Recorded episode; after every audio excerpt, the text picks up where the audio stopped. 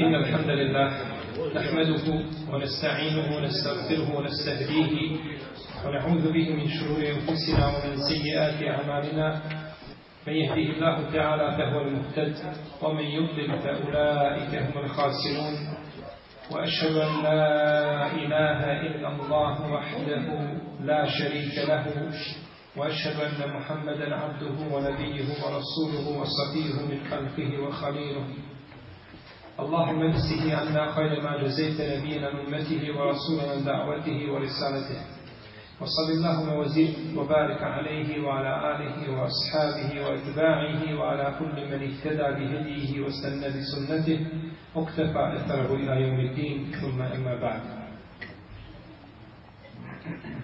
عن عبد الله بن عمر رضي الله عنهما عن رسول الله صلى الله عليه وسلم قال إن بلالا يؤذن بليل فكلوا واشربوا حتى تسمعوا أذان ابن أبي مكتوم U trećem hadisu, u poglavlju Ezana, autor kaže od Abdullaha ibn Omara, radijallahu anhuma, da je poslanik sallallahu alaihi wasallam rekao Bilal uči Ezan po noći pa jedite i pijte sve dok ne čujete Ezan ibni Umi Mektuma. O Ibnu Omanu smo govorili u više navrata i spominjali, spominjali njegovu siru, posebno u i Istifabeta. Isto tako smo govorili o Bilalu,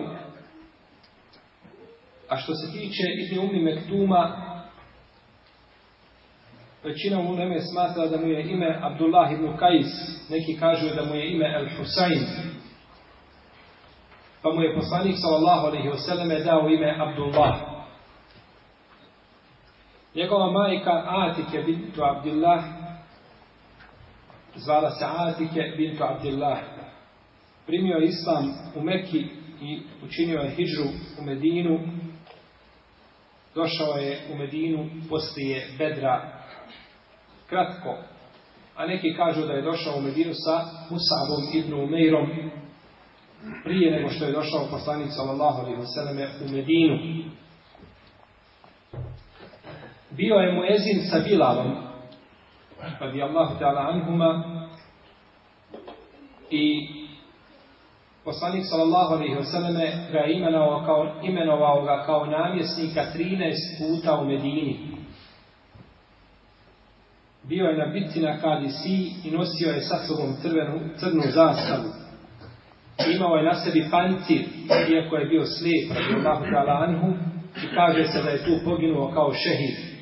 A neki kažu da se je vratio u Medinu pa da je umro u Medini, tako da u vrijeme Omera nije više bilo spomena ovome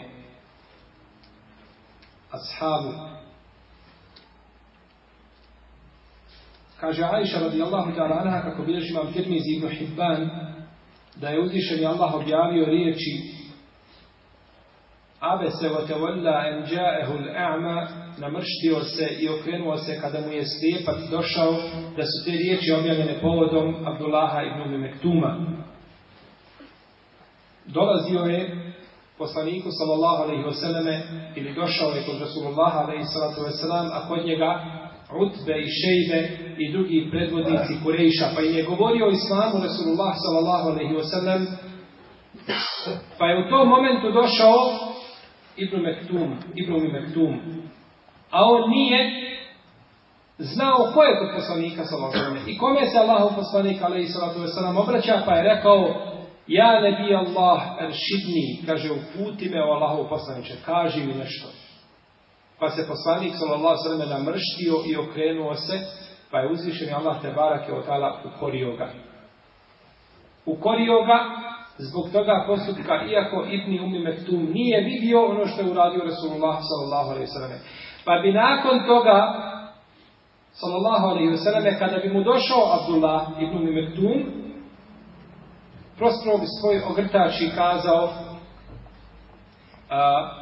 ehlen wa sahlan ili bi kazao merhaban bimen atebeni ihi rabbi.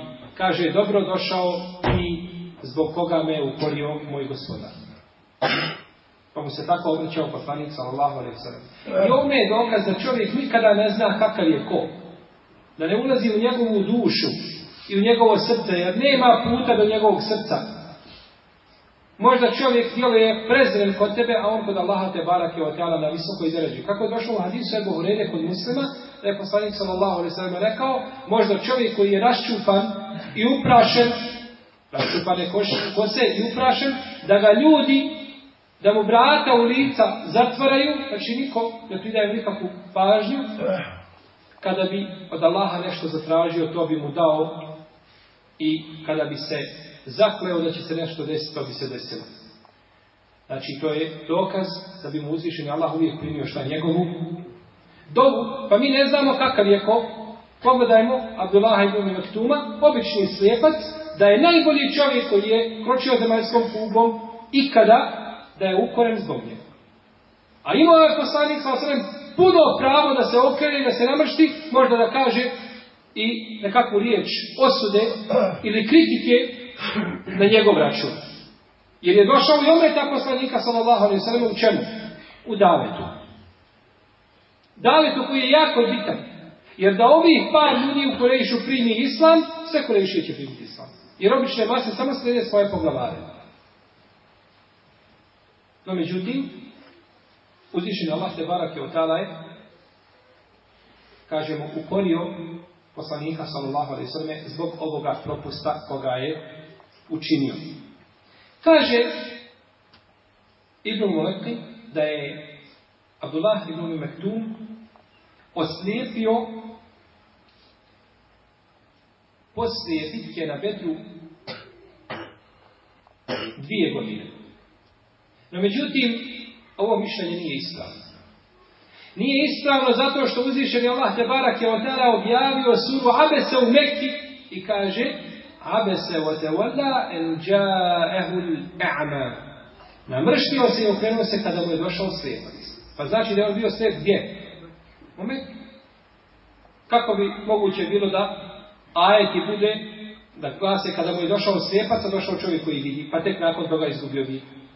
Ne, nego došao je slijepac, znači spoljašnjost ajeta ukazuje da je Abdullah još u to vrijeme bio šta?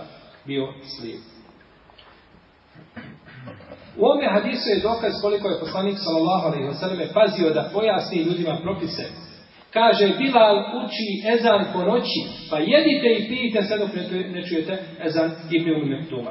Pa je pojašnjavao, znači, propise svome ummetu, kako kaže uzvišeni Allah te barake wa ta'ala, o enzelna i reke zikra, li tu bejine li nasi manu zile i I mi smo tebi a, objavili zikr, da pojasniš ljudima ono, da pojasniš ljudima ono što im se objavljuje. U ovome hadisu je dokaz isto tako da je dozvoljeno učiti jedan ezan za sabah prije nastupa namaskog vremena. Prije, znači, prave zore. Bilo da se radi u Ramazanu ili mimo, ili mimo Ramazana. I ovo je dokaz koji ne ide u prilog imamu Ebu Hanifi, i teoriju koji kažu da se uči samo jedan ezan nakon izlaska sunca. Dok kažu Malik i Šafija i Imam Ahmed i većina islamskih učenjaka općenito da za sabah imaju dva ezana. Da za sabah imaju dva ezana. I ovome hadisu je isto tako dokaz da je obaveza onome ko zna da pojasni ljudima stvari koje mogu dvosmisleno razumjeti, koje nisu a, jasne. Jer bila uči ezan, a znamo da učenje mezana nastupa šta? Zora. Pa je to ljudima mogu u tom momentu šta da prekinu? Jelo. Jeli su i čuju ezan i prekidaju šta? Prekidaju jelo, kažu više ne možemo jesti jer nastupila zora. No međutim, Poslanik sa osrme nije dozvolio znači da ta stvar ostaje nesa, pa kaže bila uči ezan, jedite i pitanje što čujete ezan Abdullah. Uzvišen je Allah Tebara barake tada kaže وَقُلُوا وَشْرَبُوا حَتَّى يَتَبَيَّنَ لَكُمُ الْحَيْتُ الْأَبْيَضُ مِنَ الْحَيْتُ الْأَسْوَدِ مِنَ الْفَجَرِ I jedite i pijte dok ne budete mogli razlikovati između a, crne i bijele niti, znači od zore. Što se tiče ovih niti, kaže Ibn Atije u svome tefsiru, El muharrar El wajiz nazvao ga je Al-Muharrar al-Wajiz, skraćeni, pojašnjivač. A on je štampan u 16 ili 17 tomova, onih velikih, a skraćen. Kaže da je ulema sva složa da se ovo odnosi na crna i bijela nit, da se odnosi na tamu noći i svjetlo dana. Jer je došao Adi ibn Hatim radijallahu anhu, kako bi živa Buhari u svome sahihu od poslanika sallallahu alaihi sallam, kada je čuo ovaj ajet, stavio je ispod svoga jastuka povodac od deve, jedan crn, jedan bijel. I onda po noć vadio i gledao. Pa je došao poslaniku sallallahu alaihi sallam kaže, Allah poslaniče, ja ništa ne vidim. Dva povodca isti ili uvijek, ne mogu razlikovati. Pa kaže mu poslanik sallallahu alaihi sallam, nije to, nego to je znači crna i bijela nit, misli se na tamo noći i misli se na svjetlost dana.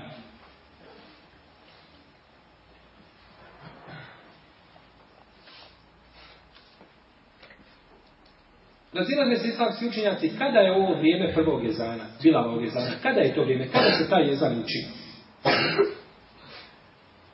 Neki kažu da ulazi od pola noći. Neki kažu da ulazi od pola noći.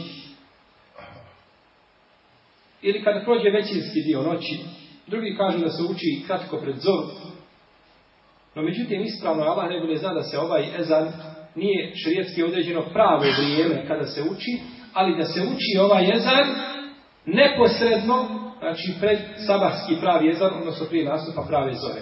Jedno vrijeme znači da se ostaje ljudima vrijeme ili za sehur, ili za kanja i vitre namaza i o tome, sodno A ovo da se uči nakon pola noći nije jako mišljenje. Jer poslanik s.a.v. kaže u hadisu, jedite i pijte dok ne čujete ezan Bilal. U redu. Šta mislite, može li se kazati nekome, evo, dok ne čujete ezan može li se kazati nekome, jedi, imaš još četiri sahta na Ili se kaže, jedi, imaš još deset minuta. Ako ima četiri sata, ili tri sata, ili dva sahta, ne spominje se, jer ne može to cijelo vrijeme potrošiti u pa kada kaže poslanik sallallahu alaihi sallam, bila uči ezan po noći. Jedite i pijte dok ne čujete ezan Ibn Umi Mektuma. i toga možemo razumjeti da tu ima šta? Kratak vremenski period. Znači da jedeš dok ne čuješ, jer ćeš to vrijeme prilike potrošiti u jelu. Koliko? 15 minuta, 20 minuta. Ovisno, znači o, ovisno o potrebu.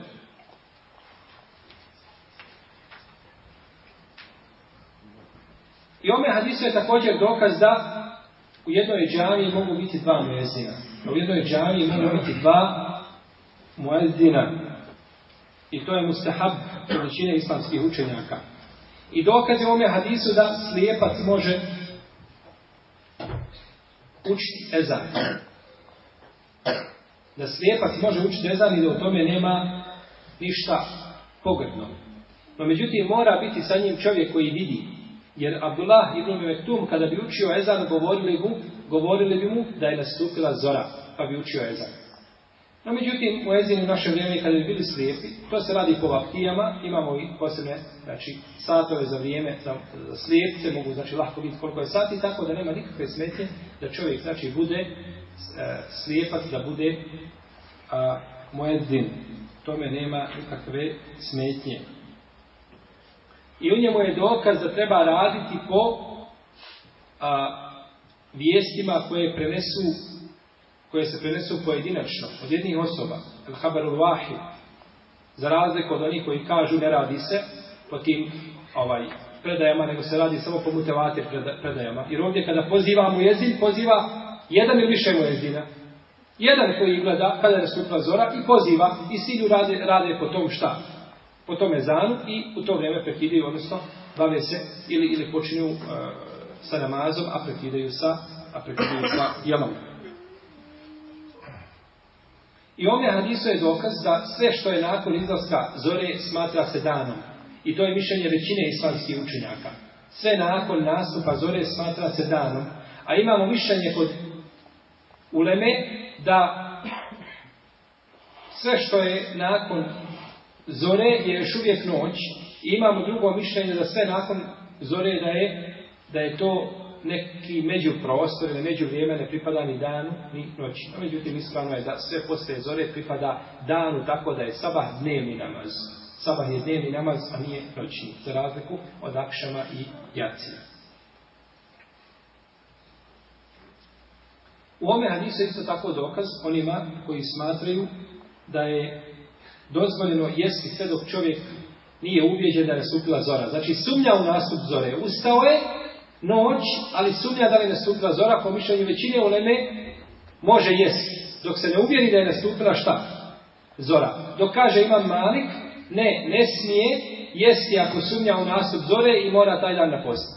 Neki malikijski učenjaci kažu, ovo imam malik, tio da bude, znači, da bude dobrovoljni vid dobrovoljni vid napaštanja, napaštanja ovoga posta. No, međutim, ono što se može zaključiti iz riječi mama Marka jeste da je obavezno na taj dan, a nije dobrovoljno.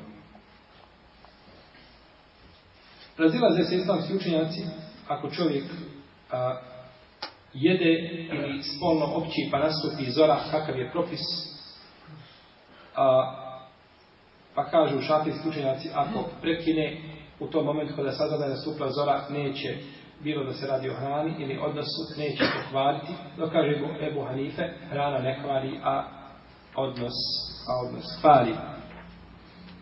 Nakon toga, autor je spomenuo četvrti hadis, kome stoji, a ne bi sedel hudri, a ne bi hudri, radi Allahu anhu, قال قال رسول الله صلى الله عليه وسلم إذا سمعتم المؤذن فقولوا مثل ما يقول المؤذن kada čujete mujezina, recite slično ili kako kaže mujezin.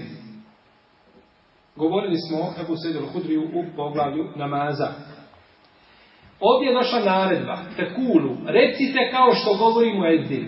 Naredben je imperativ, pa povlači za sobom obavezu. Pa bi znači po tom hadisu izgovaranje nakon Mu'ezina ili ponavljanje za jezinom bilo obavezno.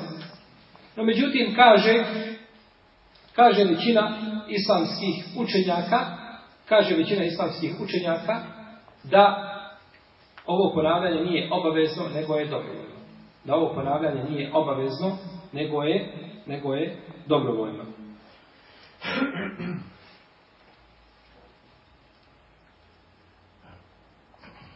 Ovaj hadis je ograničen hadisom Omera radijallahu ta'ala anhu u kome u kome stoji da je poslanik sallallahu sallam rekao kada kaže jezin hajja ala salah, hajja ala falah recite kulu misle ma je kulu ili recite la haula wala illa billah znači ograničen je sa riječima pa neće biti ono klasično ponavljanje za imamom hajja ala salah, hajja ala falah nego će biti znači a bit će riječi La haula wa la kuvvete illa billah. Jer riječi hajja ala sala, hajja ala su dova. Su dova. A dova, misli se dova u smislu dua, pozivanje. Da čovjek dođe. Pa ako bi svi ljudi ponavljali, onda bi svi bilo niko i pozivaju. A ko bi bio oko se odaziva. Pa u tome slučaju čovjek šta? kaže, vrati, tu stvar Allahu Đelešanu nema čovjeku moći i mogućnost da se dozove, osim ako mu Allah Đerušanu da teufika i uspjeha u tome. Neki učenjaci kažu, ponavlja se za mojezinom kako on kaže, neće se dodavati ovo, no međutim, ispravnije radi po hadisu Omer Allah, ta'ala I treba ponavljati za Mojezinom nakon svake riječi koju kaže, neće puno čekati, za Mojezinom nećete žuriti ispred Mojezina.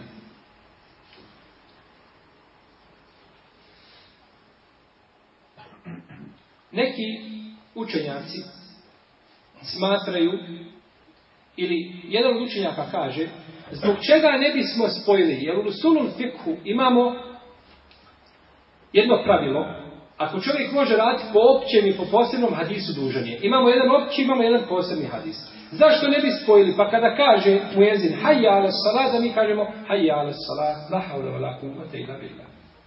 To bi bio jedan od načina spajanja. No, međutim, niko od uleme nije, to je znači samo pitanje postavljeno, niko od uleme nije kazao da treba tako spajati, da treba govoriti, već kada kaže muezzin, kada kaže hajjala sala, reći će salah havle, wala illa billah.